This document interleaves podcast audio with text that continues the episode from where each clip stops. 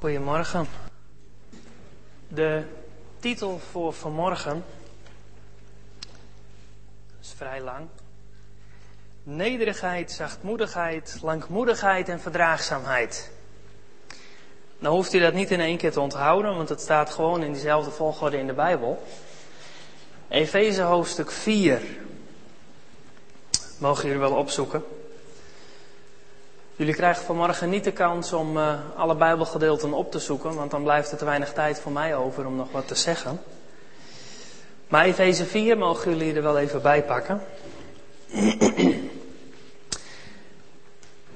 Nederigheid, zachtmoedigheid, langmoedigheid en verdraagzaamheid.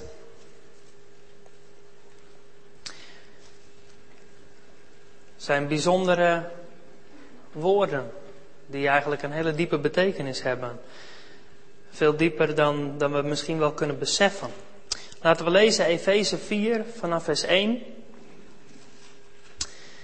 Paulus is daar aan het woord en hij zegt, als gevangene in de Here vermaan ik u dan te wandelen waardig der roeping waarmee gij geroepen zijt.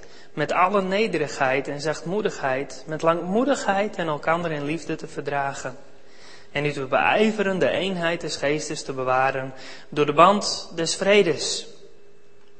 Nou, als jullie die tekst er een beetje bijhouden, dan zie je daar die vier woorden genoemd worden. Dat we wandelen waardig de roeping waarmee we geroepen zijn, met alle nederigheid, met zachtmoedigheid, met langmoedigheid en elkander in liefde te verdragen. Daar heb ik voor de mooiheid van de titel dan maar verdraagzaamheid van gemaakt. Dan heb je vier heiden dan heb je allemaal heidenen, nee, heiden bij elkaar. En dat, dat klinkt mooi. Maar uiteindelijk gaat het erom wat ermee gebeurt. Niet hoe het eruit ziet en of het leuk klinkt. Ik weet niet of jullie het opvalt, maar in het eerste stuk van de tekst staat waardig wandelen aan de roeping waarmee wij geroepen zijn. Wie van jullie heeft deze roeping? Oké, een hele hoop mensen nog niet. Misschien moet er een evangelist komen hier. Daar voel ik mij niet zo toe geroepen, maar er zijn andere mensen die dat weer uh, heel goed kunnen. We hebben allemaal deze roeping. Even voor de duidelijkheid. Paulus roept hier de gewone gelovigen op. Niet, niet speciale mensen met een bijzondere roeping. Maar Paulus roept hier gewone gelovigen op om waardig te wandelen aan de roeping waarmee zij geroepen zijn. In het volgende tekstgedeelte zal misschien ook iets meer duidelijk worden wat dan die roeping is, waar wij allemaal toe geroepen zijn. Maar wij zijn geroepen om waardig te wandelen aan deze roeping. Als je een, een positie krijgt in het bedrijfsleven of in de sport of waar dan ook, wordt er ook van je verwacht dat je je daarna gedraagt. Dat je dingen doet die daarbij horen.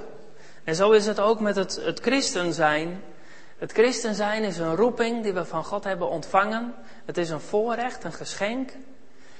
Maar er wordt wel van ons verwacht dat wij daar ook naar leven. Dat wij waardig wandelen. En als er dan staat waardig wandelen naar die roeping, dan zou je eigenlijk eerst even moeten denken van waar denk je dan zelf aan? Als je als christen uh, mag leven, dat is een voorrecht. Welke dingen zou je dan moeten doen om waardig te wandelen aan die roeping van het christen zijn. Als je nou eerst zelf bedenkt wat voor dingen dat voor jou zijn. En daarna kijken wat de Bijbel erover zegt. Kijken of dat overeenkomt. Maar dit is wat de Bijbel zegt. Wat overeenkomt met hoe wij mogen leven om te laten zien dat wij christenen zijn. Nederigheid, zachtmoedigheid, langmoedigheid. En elkaar in liefde verdragen. En beijveren de eenheid van de, des geestes te bewaren deze lijst is nog lang niet compleet. Ik gebruik alleen even deze vier woorden uit Efeze. Als we Colossensen 3 bijvoorbeeld lezen vanaf vers 12, daar staat uh, dezelfde vier woorden in dezelfde volgorde, maar in een iets langere lijst. Doet dan aan. Een mooi Bijbels beeld, hè, dat we ons altijd aankleden. Maar dan wel met dingen die je niet kan zien aan de buitenkant.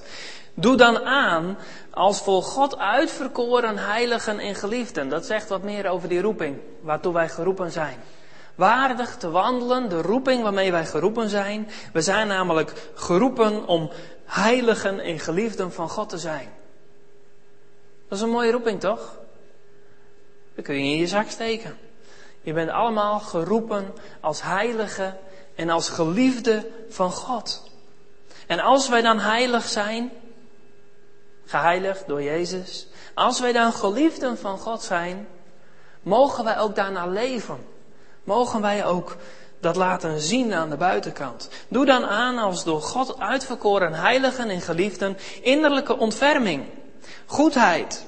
Nou komt het nederigheid, zachtmoedigheid en geduld staat hier in deze vertaling. Maar ik ga altijd uit van, van de Griekse woorden en soms sluiten de Nederlandse woorden daar niet helemaal op aan. Maar ik heb vier Griekse woorden uit, uit Efeze heb ik gebruikt voor deze preek. En als er af en toe wat anders staat, dan zeg ik er wel even bij dat het toch hetzelfde is. Geduld is dus hetzelfde als langmoedigheid. En dan gaat hij verder, verdraagt elkander. Dat is de vierde van de vier waar ik mee begonnen ben. Hè? Verdraagt elkander en vergeeft elkander, indien de een tegen de ander een grief heeft, gelijk ook de Heere u vergeven heeft, doet ook gij evenzo.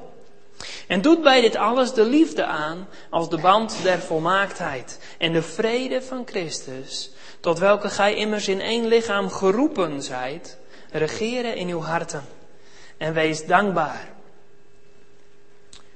Er staat nogal wat, er staan er veel meer dan alleen maar die vier. Dus de vier waar het vanmorgen even over gaat, zijn absoluut niet de complete lijst. Zo van, als je die vier maar doet, dan zit het wel goed. Ik denk dat de lijst zo oneindig lang gemaakt zou kunnen worden als we echt heel goed ons best doen, dat dat eigenlijk verspilde moeite is. Want waar het uiteindelijk om gaat, is dat we van binnen gewoon veranderen. Nog een lijst die ook laat zien dat de vier van vanmorgen absoluut niet compleet zijn, staat in Galaten 5 vers 22. Dat moet toch een hele bekende tekst zijn voor de meesten van ons. Maar de vrucht van de geest is liefde, blijdschap, vrede, langmoedigheid, dat is al één van de vier. Vriendelijkheid, goedheid, trouw, zachtmoedigheid, dat is er al een tweede. Zelfbeheersing. Dat zijn er negen die hier genoemd worden. Wacht even, er missen twee uit Efeze 4. Zouden dan nederigheid en verdraagzaamheid geen vrucht van de geest zijn? Nou, ik uh, wil wel eens zien of mensen dat uit hun eigen kracht proberen. Dat is moeilijk hoor. Maar het is een vrucht van de geest. En zo kunnen aan die negen kunnen nog wel een paar toegevoegd worden. De vrucht van wat de Heilige Geest in ons leven wil doen. God wil ons veranderen door zijn Heilige Geest. En er staat wel dat wij het moeten doen. Maar ondertussen maakt de Bijbel ook wel heel erg duidelijk dat wij het helemaal niet kunnen. En dat is wel een van de bijzondere dingen aan de Bijbel. Dat de Bijbel steeds weer zegt wat je moet doen, terwijl je het niet kan. Maar gelukkig houdt het daar ook niet op. De Bijbel wijst ons dan ook steeds de weg waarin het toch mogelijk is. Niet in onze eigen kracht, maar door God. Nou, de lijst is dus eigenlijk oneindig lang. Maar deze vier wil ik even met jullie bekijken. Nederigheid, zachtmoedigheid, langmoedigheid of geduld en verdraagzaamheid.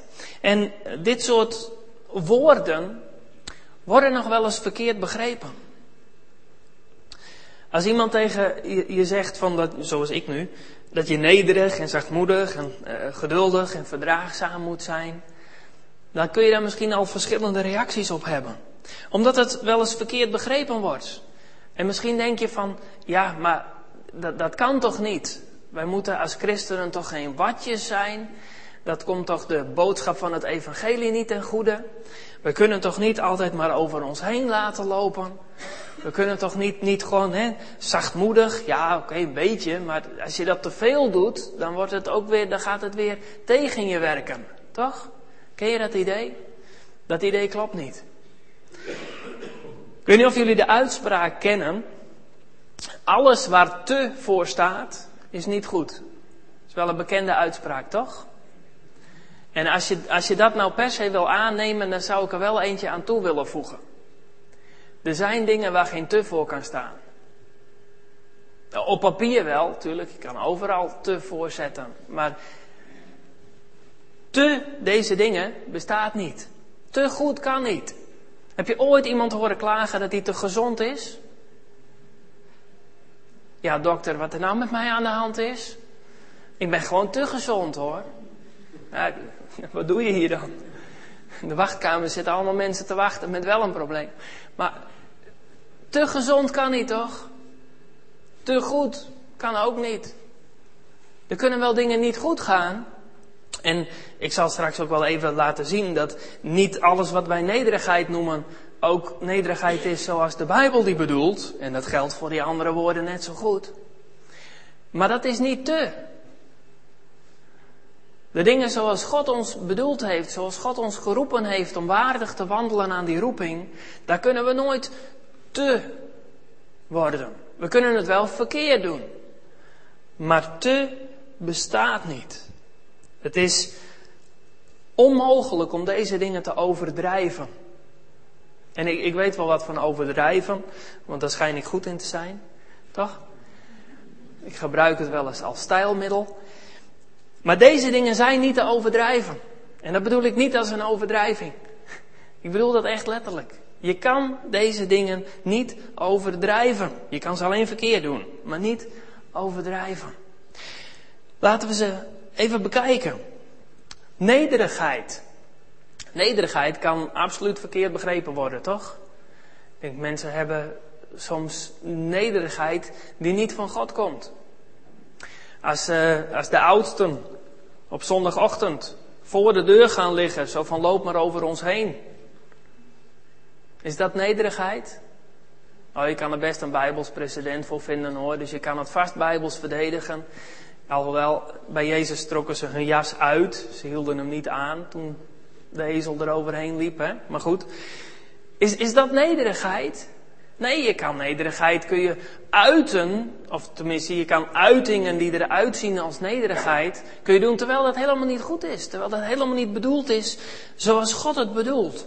Maar te nederig zijn zoals God het wel bedoelt, bestaat niet. Nederigheid is niet het wegcijferen van jezelf. ik denk dat wij vaak nederigheid begrijpen als iets wat op onszelf gericht is. Nederigheid betekent jezelf naar beneden doen. Toch? Klopt dat? Hebben we een beetje dat beeld van nederigheid? Klopt ook niet. Dat is niet wat nederigheid is. Nederigheid is de ander omhoog tillen. Het heeft dus niks met jezelf te maken. Nederigheid gaat niet over jezelf in de grond boren of jezelf maar ondergeschikt maken. Nee, in Christus weten wij wie we zijn, toch? En daar hoef je niet aan af te doen. Je hoeft niet te denken van ja, maar ik ben zo goed niet. Dat is geen nederigheid. Dat is gewoon een verkeerd zelfbeeld. In Christus weten wij wie we zijn. En we hoeven onszelf helemaal niet naar beneden te brengen. Maar nederigheid, zoals het in de Bijbel ook naar voren komt, is de ander hoger achten dan onszelf. De ander dienen. En waarom? Is die ander dan beter dan wij? Nee, voor God zijn we allemaal gelijk. Zelfs je afkomst en zo maakt allemaal niet uit voor God. We zijn allemaal voor God gelijk. Maar we zijn geroepen om elkaar te dienen. Is een opdracht die we van God hebben gekregen. Het is een voorrecht dat we van God hebben gekregen om elkaar te dienen. En nederigheid betekent dat je jezelf ten dienste stelt van die ander. Vrijwillig, blijmoedig, jezelf ten dienste stellen van die ander. Zonder jezelf naar beneden te halen, maar door juist die ander nog meer omhoog te tillen. In liefde. Nederigheid heeft dus te maken met perspectief. Het gaat niet om, om jezelf naar beneden brengen, maar jij staat vast. Het is een objectief perspectief. Waarin jij vaststaat en weet waar je staat. En van daaruit, zonder dat die ander daar recht op heeft, maar uit liefde die God ons geeft, de ander omhoog tilt. En dat is toch een geweldig voorrecht. Jezus maakt het in uh, Lucas 6, vers 38 ook duidelijk, waar hij zegt: geeft en u zal gegeven worden. Een principe van God. Een van die, van die mooie principes die zo ontzettend indruisen tegen het wereldse. We proberen het wereld wel een beetje recht te breiden. Zo van als jij geeft, dan geeft die ander jou misschien ook wel weer.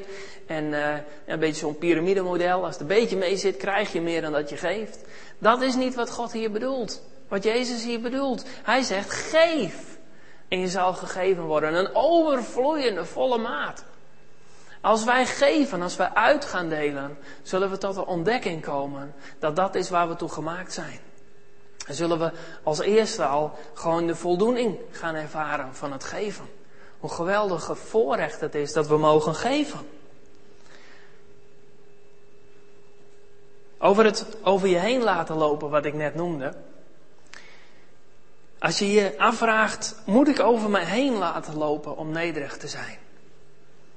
Dan, dan wil ik daar ja op antwoorden, maar wel met een voorwaarde. Want nederigheid betekent de ander verhogen, de ander dienen. Nederigheid gaat om die ander. Dus als je over je heen laat lopen om je lekker nederig te voelen, dat is valse, valse nederigheid. Dat is om onszelf goed te voelen. En zo werkt het niet bij God. Maar als wij nederig hebben, waar die ander beter van wordt, waar die ander mee gediend is, dan kun je je afvragen, moet ik over me heen laten lopen? Dan stel je je deze vraag, wordt die ander daardoor gediend? Wordt die ander daar werkelijk beter van? En als het antwoord op die vraag ja is, dan is er toch ook niks op tegen om een keer over je heen te laten lopen. Dat kan toch best? Daar kunnen we toch best tegen? We zijn toch sterk in Christus? Dat als iemand over ons heen loopt, dat we daar helemaal geen problemen mee hebben. Dat dat helemaal geen, enkel, geen enkele moeite is. Als die ander daar werkelijk mee gediend is. Als die ander daardoor dichter bij God komt. Dan is dat toch de moeite waard. En dat is nederigheid. Nederigheid wordt hier even als eerste genoemd. Maar ik denk dat nederigheid ook een, een ongelooflijk belangrijke is. Er is misschien van dit soort woorden, van deze dingen, van die vrucht van de Heilige Geest in ons leven. Liefde is altijd het allerbelangrijkste, daar kom ik straks nog wel op. Maar nederigheid is, is nou, misschien wel de ene na belangrijkste dan. Is in ieder geval een hele belangrijke. Want nederigheid wordt namelijk rechtstreeks gekoppeld in de Bijbel als een voorwaarde om bij God te kunnen horen. Dat is nogal wat. Dus als we nederigheid niet hebben, kunnen we niet bij God horen. Nou, ik ben ook niet volmaakt in de nederigheid, dus maak je nou niet gelijk zorgen. Maar nederigheid is wel belangrijk. Jacobus zegt in 4 vers 6, maar hij, God, geeft dan ook des te grotere genade. Daarom heet het, God wederstaat de hoogmoedigen, maar de nederigen geeft hij genade. Mensen die vol van zichzelf zijn, daar houdt God niet meer van. Ja, God houdt van alle mensen, maar God houdt er niet van dat mensen vol van zichzelf zijn, laat ik het zo zeggen. Als mensen vol van zichzelf zijn, kan God er niet meer bij. En dan werkt het niet. En daarom weerstaat God hoogmoedige mensen. Maar de nederigen geeft hij genade. Des te grotere genade. Want juist die mensen die nederig zijn en van zichzelf doorhebben dat ze het niet verdienen, die mensen geeft God genade. Ik zeg bewust mensen die doorhebben dat ze het niet verdienen. Want mensen die denken dat ze het niet verdienen, is heel wat anders. Mensen die denken dat ze het niet verdienen, dat kunnen ook mensen zijn met een minderwaardigheidscomplex. Die denken dat ze niks verdienen. Die denken dat ze de genade niet verdienen. En ik denk dat God die mensen ontzettend lief heeft en ze ook heel erg tegemoet wil komen. Maar dat is niet waar het hier over gaat. Nederige mensen zijn mensen die beseffen, die bewust zijn dat ze het niet verdienen. En het maakt de Bijbel ook continu duidelijk dat wij het niet verdienen. Het heet niet voor niks genade. Genade betekent dat je het niet verdient. Dat is toch gewoon de meest letterlijke betekenis van genade. Verdienen wij het dat Jezus voor ons aan het kruis is gestorven en onze zonden in onze plaats heeft gedragen? Verdienen wij dat? Nou, ik niet. En niemand van jullie trouwens. Het is genade. Hij heeft het wel gedaan, ook al verdienen wij het niet. En dat is nou die des te grotere genade. Petrus zegt in 1 Petrus 5 vers 5 min of meer hetzelfde. Het begin van dat vers is wel heel leuk, daarom noem ik dat er toch ook even bij. Evenzo, ga jongeren, onderwerpt u aan de oudsten. Mooie tekst toch? Zeker voor oudsten is dat heel leuk om met die tekst te zwaaien. Zoals de Bijbel niet bedoeld is trouwens. Jongeren, onderwerpt u, even kijken, waar ben ik? Ja, jongeren, onderwerpt u aan de oudsten. Maar wat staat er dan achteraan? Omgord u allen jegens elkander met nederigheid. Want God wederstaat de hoogmoedigen, maar de nederigen geeft hij genade. Wat betekent dat nou? Jongeren, onderwerpt u aan de oudsten, maar omgord je allemaal jegens elkander met nederigheid. Nederigheid en onderwerping zijn dus niet gelijk. Want de jongeren worden geroepen om zich te onderwerpen aan de oudsten, aan het gezag dat God gegeven heeft. Maar de oudsten worden geroepen om, hoe staat het er? Om nederig te zijn ten opzichte van de jongeren. Dat betekent dus niet te onderwerpen aan hun gezag. Oudsten onderwerpen hun niet aan het gezag van de jongeren. Ouders onderwerpen zich niet aan het gezag van hun kinderen. Tenminste, zo is het niet bedoeld. En toch mogen we in al die relaties onszelf in nederigheid niet onderwerpen, maar nederig zijn naar elkaar. Nederig zijn, dus die ander hoger achten dan onszelf. En het beste voor die ander zoeken. En dat is iets geweldig moois. Tweede punt wat genoemd wordt is zachtmoedigheid. Zachtmoedigheid is, is mildheid, uh, vriendelijkheid. Het, het, is, het is zo, zo lief, weet je wel. Datgene waarvan je in de wereld zou zeggen van nou, daar bereik je dus helemaal niks mee. Zo kom je nooit verder. Als je zachtmoedig bent en, en altijd maar lief en altijd maar vriendelijk, daar bereik je toch geen resultaat mee, zou je zeggen. En ik denk dat dat in de wereld ook wel moeilijk is. De wereld ziet ons misschien wel als zwak, als we zachtmoedig zijn. En dat is niet erg, want zo zagen ze Jezus ook, toch? En zo hebben ze alle, heel veel profeten ook gezien. Dus het is niet erg als de wereld denkt dat wij zwak zijn. Maar ik wil hier duidelijk maken dat het niet zwak is. Het kan misschien zwak lijken, maar het is niet zwak. Want laat ik even dit vragen. Wat is moeilijker als iemand boos op jou wordt? Boos terug worden of vriendelijk reageren? Wat, wat is moeilijker? Vriendelijk zijn is moeilijker, hè? Dus als mensen boos worden, hebben we toch de neiging om dan gewoon eerst maar even boos terug te worden. Ik wil goed maken kan altijd nog. Je hebt tot zonsondergang tenslotte. Dus hè, het komt wel goed. Maar eerst toch even, ja, ik bedoel, je kan niet over je heen laten. Hè? Oh ja, dat kon wel. Maar ja, zomaar vriendelijk zijn, dat, dat kost ons toch moeite. Dat is tegennatuurlijk. Eh, daarom heet het ook vrucht van de geest trouwens. Omdat het tegennatuurlijk is. Even tussendoor. Zachtmoedig, maar dit is een, een principe wat misschien niet altijd werkt, maar wel vaak toepasbaar is. Wat moeilijker is, vergt meer kracht. En is dus een beter bewijs van dat je sterk bent. Boos terugreageren, of vul maar een ander voorbeeld in voor jezelf, dat is makkelijk. Het ziet er sterk uit, maar het is makkelijk. En omdat het makkelijk is, is het dus eigenlijk het bewijs van je eigen zwakte. Vriendelijk reageren als iemand boos op jou wordt, is moeilijk en vergt heel veel kracht. En is dus eigenlijk het bewijs van hoe sterk je bent. Ook al ziet die ander jou misschien als zwak. Dat maakt niet uit. Het gaat er sowieso om hoe God over ons denkt, toch? En als God ons ziet als sterk, dan is dat goed. Dat is belangrijk. Die zachtmoedigheid heeft nog een ander resultaat ook. Zachtmoedigheid wordt in de Bijbel verschillende keren gekoppeld aan een ander woord, namelijk nou het zijn meerdere woorden, bestraffen, vermanen, terechtwijzen. Die dingen worden gekoppeld aan zachtmoedigheid. En ik vind dat mooi in de Bijbel. Want een ander bestraffen doen we dus niet op een boze manier, maar op een vriendelijke manier. 2 Timotheus 2 vers 25 zegt Paulus tegen Timotheus een heel aantal dingen en dan eindigt hij met met zachtmoedigheid de dwarsdrijvers bestraffende. Met zachtmoedigheid. Zijn er dwarsdrijvers in de gemeente? Eh, je hoeft niet je vinger op te steken als je dat bent of als je denkt dat ze er zijn. Maar ze zijn er meestal wel. En anders kom je ze wel ergens anders tegen.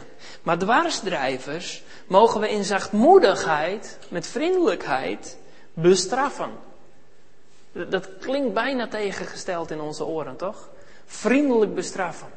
Wij denken dat bestraffen, dat daar boosheid bij hoort, maar dat is niet zo. De, de rechter die zegt toch ook niet, en dit is je straf. Nee toch? Ik, zo vaak zie ik geen rechter trouwens, maar ik, ik, neem aan dat ze toch redelijk objectief en vriendelijk gewoon uitproberen te leggen wat de straf is en waarom ze die krijgen. Nou, dat is in zachtmoedigheid bestraffen. En zo mogen we dat ook in de gemeente doen. Op een vriendelijke manier. Er staat achteraan, het kon zijn dat God hun gaf zich tot erkentenis der waarheid, uh, der waarheid te keren. Het kan zijn dat God hun geeft om zich te bekeren.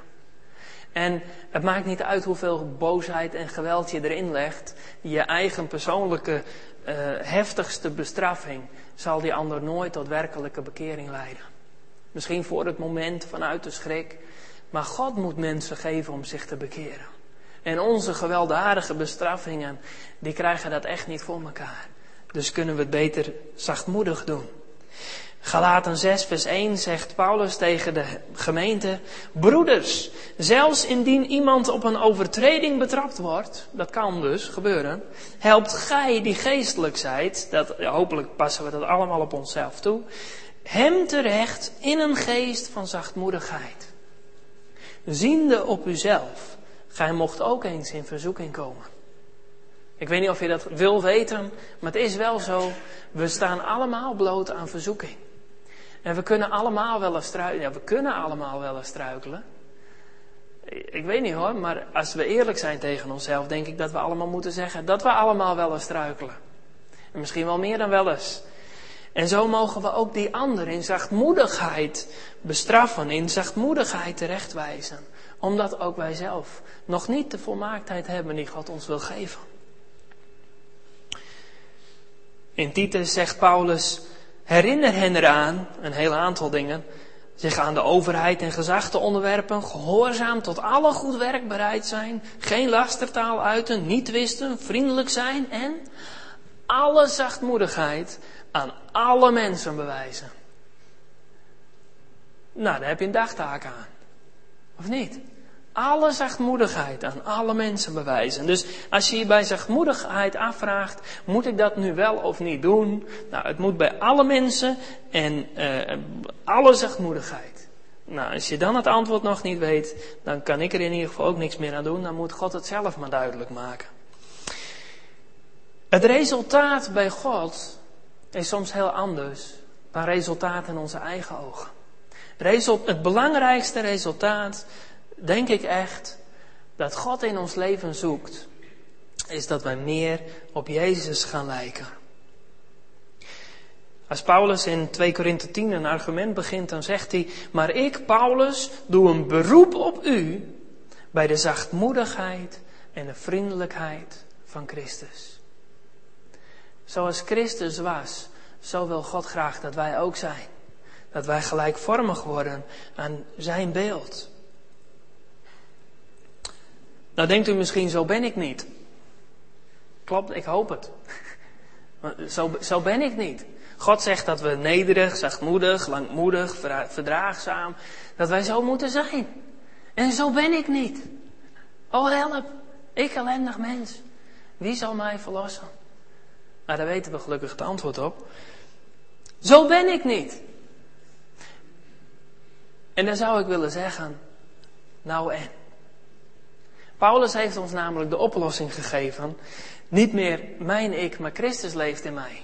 Nou is dat zo'n tekst en die kennen we heel goed en die waait soms van ons af. Maar ik hoorde een lied van een band die heet Mercy Me.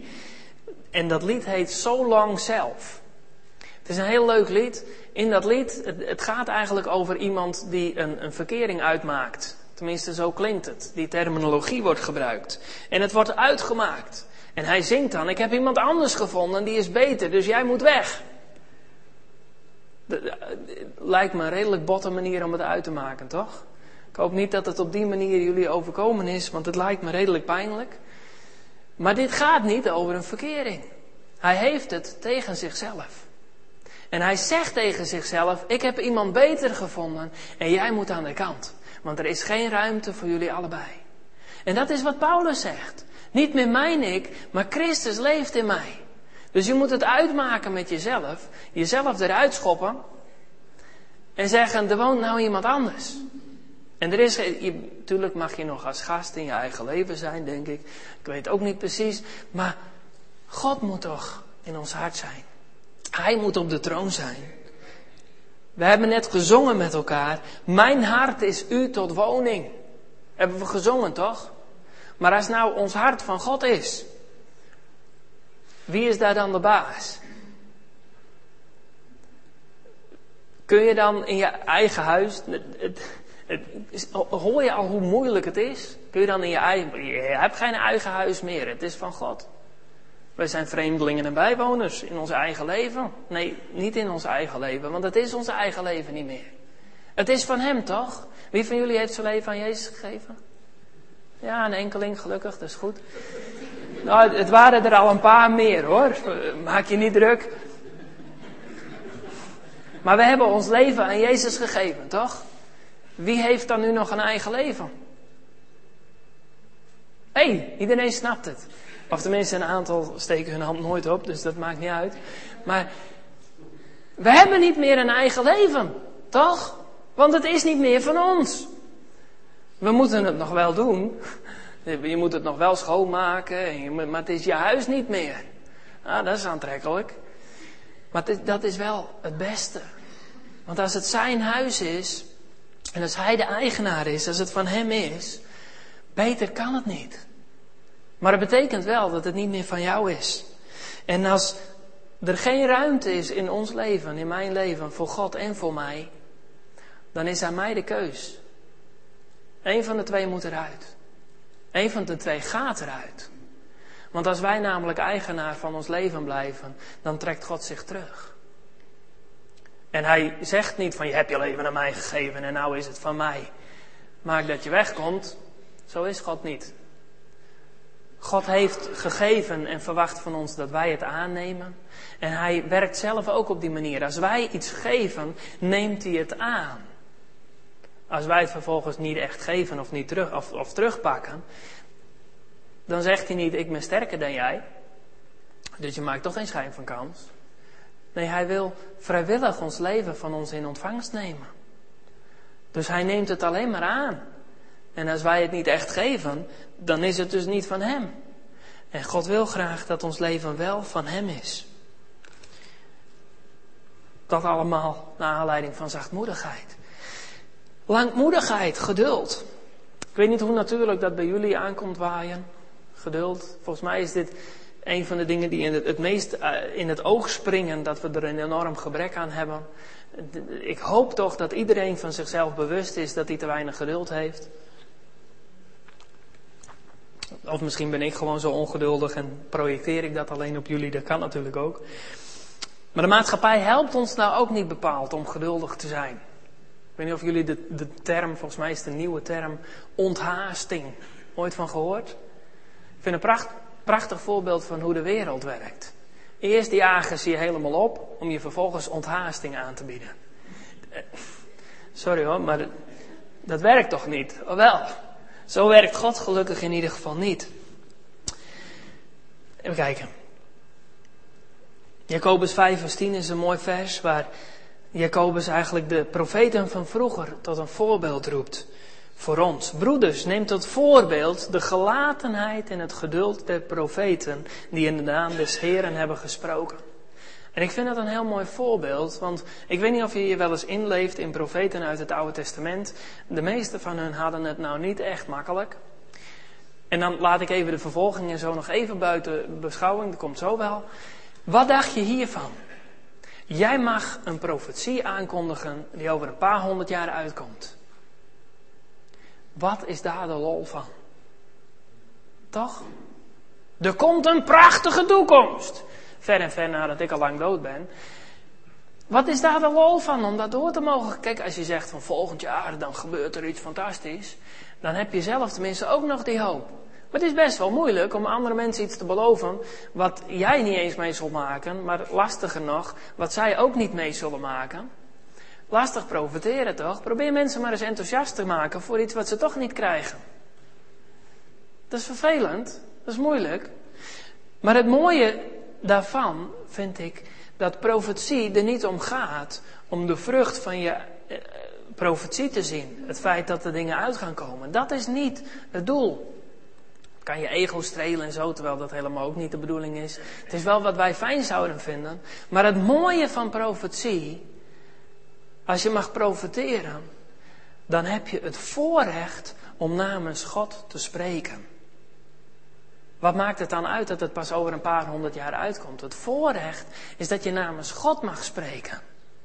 Als je nou uitgenodigd zou worden om, om namens de koningin, ik, ik weet niet of die belangrijk voor jullie is, maar het is een voorbeeld, om namens de koningin een boodschap over te brengen die niks met jou te maken heeft. Is dat dan bijzonder?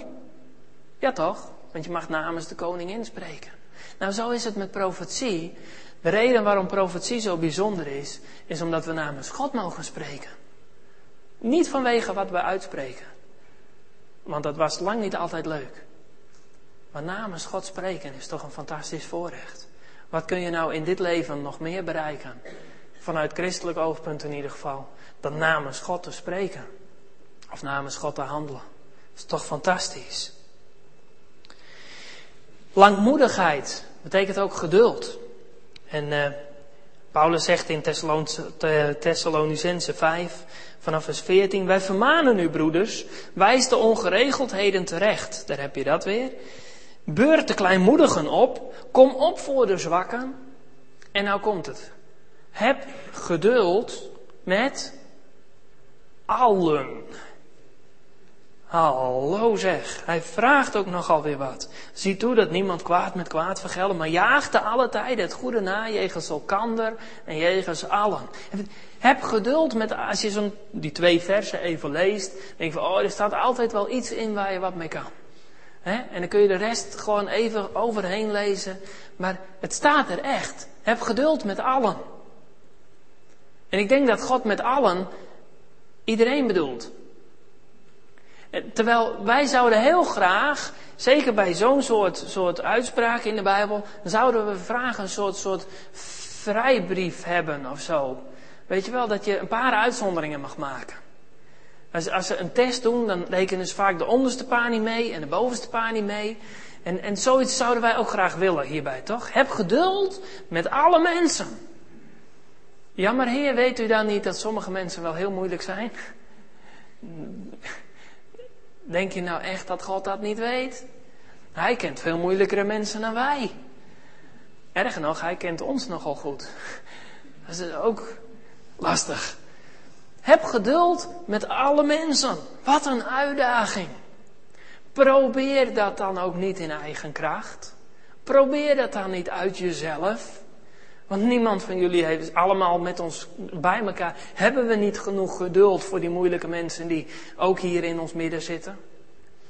Of die moeilijke kanten die in ons eigen leven zitten? Probeer dat dan ook niet in eigen kracht. Het is niet voor niks dat langmoedigheid in die negen opgenomen zit. De vruchten van de Heilige Geest. Ik denk dat, dat Paulus het niet in zijn hoofd haalde om langmoedigheid eruit. Kijk, die lijst oneindig lang, dat schiet natuurlijk niet op. Want je wil ook een keer aan het eind van je brief komen. En hij was al in hoofdstuk 5 tenslotte. Maar langmoedigheid eruit weglaten, dat, is, dat kan toch niet? Want als er iets is waar we de Heilige Geest bij nodig hebben, dan is het toch wel geduld. Zeker geduld hebben met elkaar. Verdraagzaamheid. Lijkt er eigenlijk ook wel een beetje op, toch? Je moet behoorlijk veel geduld hebben om verdraagzaam te kunnen zijn. Als je heel even terug naar Efeze 4, ik weet niet of jullie die er nog bij hebben, maar in Efeze 4 staat nederigheid, zachtmoedigheid, langmoedigheid, die worden gewoon genoemd, maar er staat geen verdraagzaamheid, er staat veel uitgebreider. Elkander in liefde te verdragen. Waarom zou nou bij al die andere dingen niet elkander erbij staan, maar bij verdragen wel? Ik denk dat ik daar een antwoord op heb. Niet omdat verdragen niet voor al die andere mensen zou moeten. Want ik denk dat dat wel de bedoeling is. Maar waarom wordt bij verdragen specifiek elkander erbij gezegd? Ik denk dat het heel simpel is. Omdat elkaar verdragen veel moeilijker is dan al die andere mensen verdragen. Ken je dat misschien uit jezelf of van andere mensen? Dat als een broeder of zuster iets doet, dan is het veel erger dan als iemand daarbuiten dat doet. Als iemand van dichtbij ons, ons iets tegen ons zegt, dan komt dat veel harder aan dan als iemand van ver weg dat zegt. Elkaar verdragen is veel moeilijker. En hoe dichter je bij elkaar komt, hoe meer je elkaar zult moeten verdragen.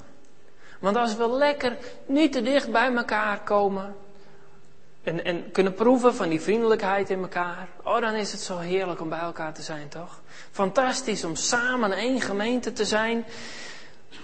Hoe stond het hier ook alweer in uh, Colossense 3 vers 15? De vrede van Christus, tot welke gij immers in één lichaam geroepen zijt, regeren in uw harten. En wees dankbaar.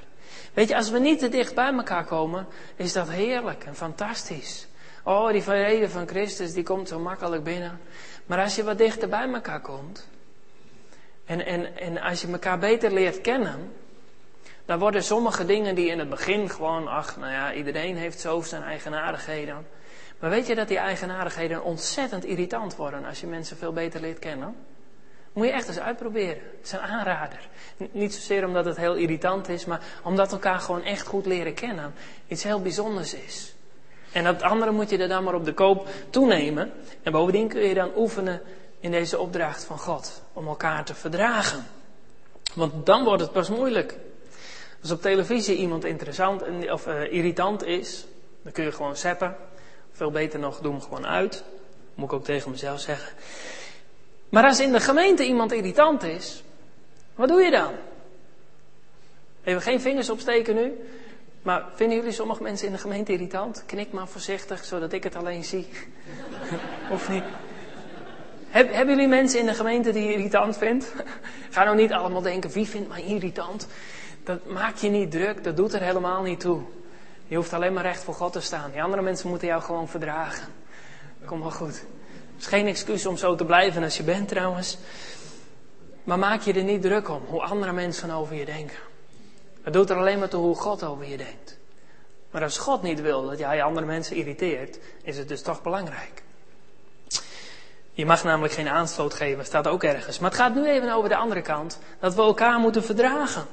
En dat is een uitdaging om elkaar te verdragen. Zeker in de gemeente.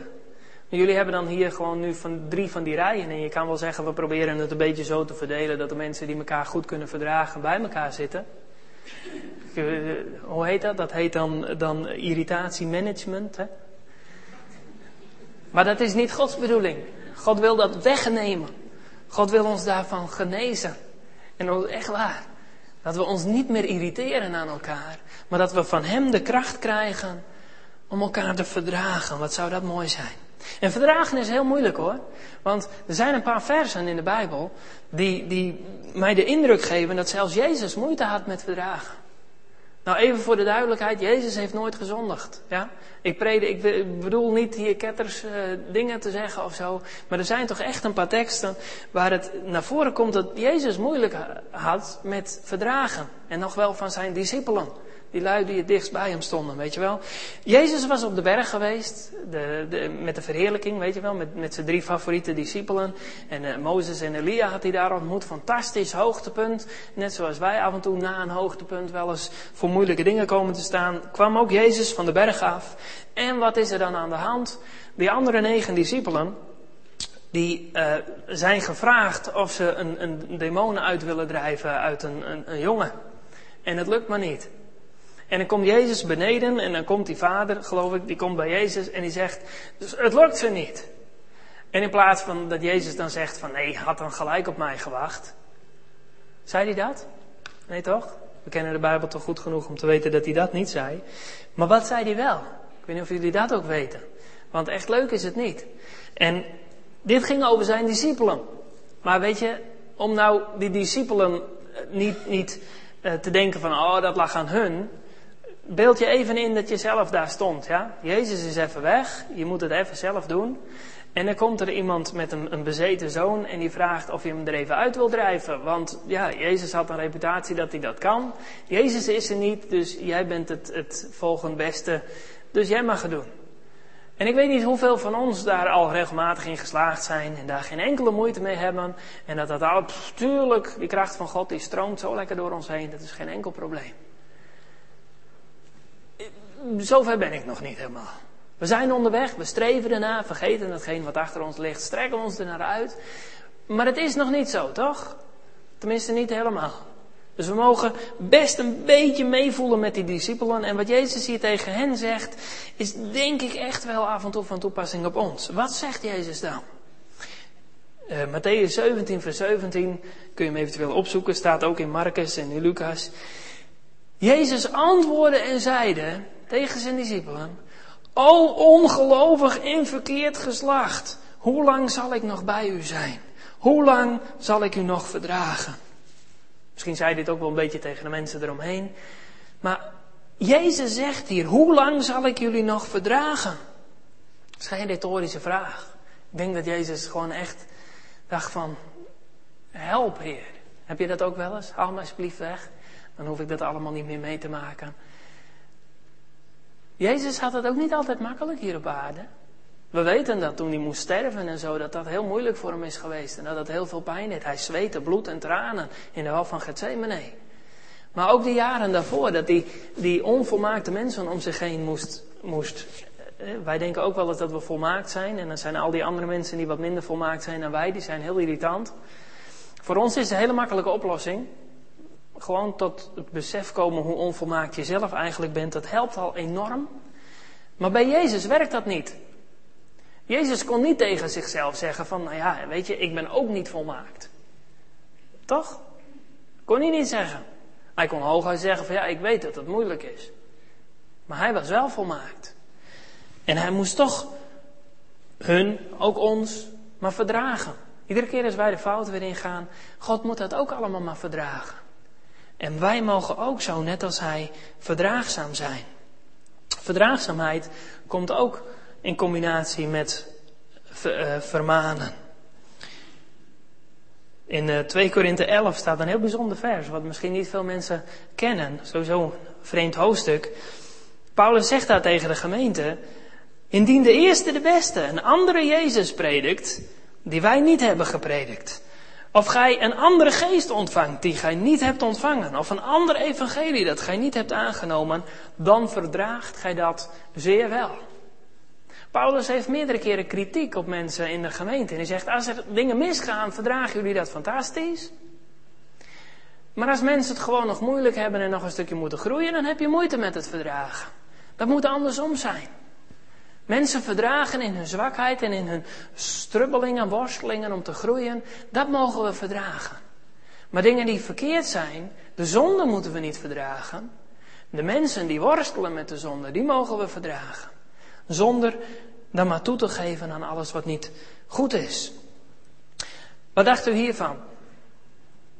We denken af en toe dat het leven als christen fijn en makkelijk moet zijn. Dus wat valt er dan nog te verdragen? Als God ons zo zegent en alles fijn maakt, hoeven we toch niks te verdragen? Let op wat in 1 Korinthe 4 staat. Tot op dit ogenblik verduren wij honger, dorst, naaktheid, vuistslagen en een zwervend leven. Wij verrichten zware handenarbeid. Worden wij gescholden, wij zegenen. Worden wij vervolgd, wij verdragen. Worden wij gelasterd, wij blijven vriendelijk. Wij zijn als het uitvaagsel der wereld geworden, als aller voetveeg tot op dit ogenblik toe. Is dat een mooie wervingstekst? Hoe krijgen we er meer bij? Nou, één troost, dit gaat niet over gewone christenen. Gewoon iedereen die Christus volgt zal zelf vervolgen. Nee, iedereen die Christus volgt zal zelf vervolgd worden, staat ergens. Maar dit gaat niet over gewone christenen. Dat is toch wel een troost. Dit gaat over apostelen. De beste christenen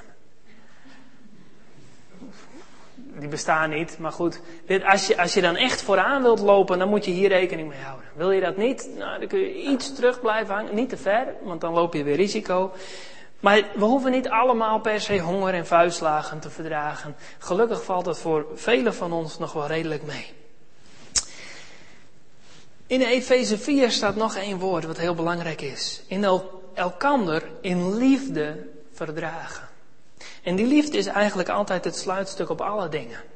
Want ook wat we gelezen hebben in Colossensen 3, daar staat aan het eind. En doet bij dit alles de liefde aan als de band der volmaaktheid. Het is juist de liefde die het altijd helemaal afmaakt. De liefde is uiteindelijk hetgene wat ons ook in staat stelt om die andere dingen te doen. En het is God die zijn liefde in ons uit wil storten. Want uit eigen kracht kunnen we het niet. 1 Korinthe 13 is een prachtig hoofdstuk over de liefde. En vers 4 begint hiermee. De liefde is langmoedig. En de liefde is ook verdraagzaam.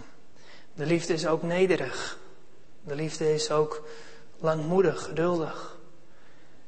De liefde kan in ons bewerken dat wij zulke mensen worden zoals Jezus ook geweest is.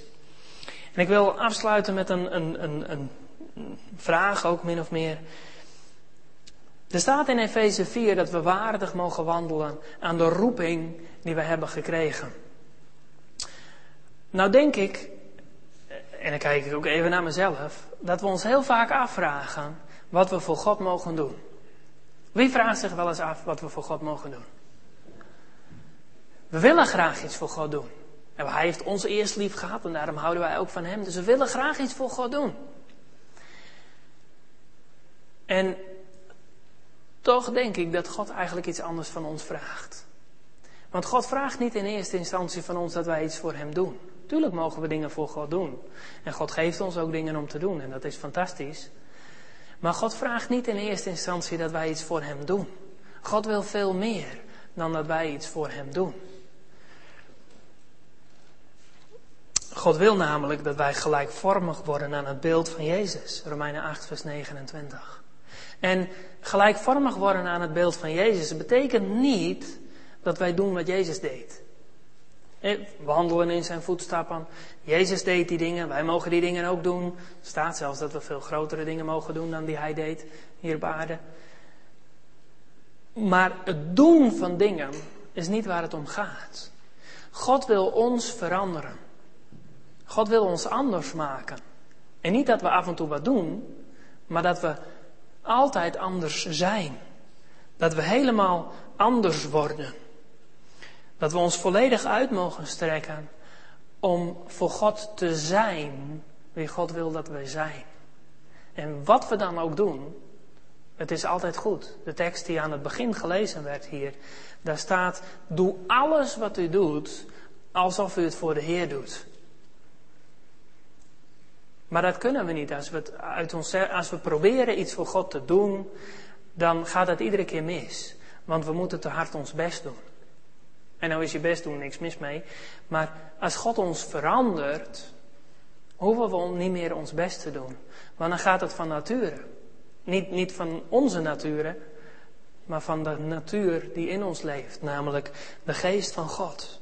Laten we God de ruimte geven en met Hem meewerken. Wij worden opgeroepen om deze dingen te doen, om zo te zijn. Maar we kunnen het niet. Maar als we God de ruimte geven om het in ons te doen, kunnen wij wel met Hem meewerken. Ons best doen om Hem niet in de weg te staan. Is al heel moeilijk. En dan kan God in ons ongelooflijk veel meer dan wij beseffen. Dan kan God ons nederig maken. Dan verandert ons leven al een heel stuk. Dan kan God ons zachtmoedig maken. Wordt je leven ook heel anders van. God kan ons langmoedig en verdraagzaam maken. Wat zou het geweldig zijn om als gemeente mee te maken dat God deze dingen in ons allemaal doet. Wat zou het dan eigenlijk al bijna hemel op aarde worden? Willen we God vragen om dat in ons te doen? Ik wil u daartoe uitdagen. Om God te vragen om dit in jou te doen. Zodat je zo mag worden. Ik sluit af met Matthäus 11, vers 28 tot 30. Kom tot mij, allen die vermoeid en belast zijn, en ik zal u rust geven. Neem mijn juk op u en leer van mij, want ik ben zachtmoedig en nederig van hart. En gij zult rust vinden voor uw zielen, want mijn juk is zacht en mijn last is licht. Amen. Vader in de hemel wil uw naam prijzen, Heer, want u bent goed en u bent trouw. En uw goedheid en uw trouw zijn voor eeuwig. Heer, u komt alle lof en alle eer toe, Heer. Heer, u, verdient het om de eerste plaats in ons leven te hebben. Heer, niet alleen de eerste plaats, maar ons hele leven. Dat het van u mag zijn. Heer, help ons om steeds meer u de ruimte te geven. Om steeds meer met u mee te werken. Heer, om u in ons leven te laten doen wat u graag wil doen. Zodat wij vol van de vrucht van uw geest mogen worden. Dat wij vol van uw geest en van uw kracht mogen zijn om in deze wereld uw licht te laten schijnen. U bent de Allerhoogste God en we prijzen uw wonderbare naam. We vragen u zegen voor deze komende week. De genade van onze Heer Jezus Christus en de liefde van God de Vader en de troostvolle gemeenschap van de Heilige Geest zij en blijven met jullie allemaal totdat Jezus terugkomt. Halleluja. Amen.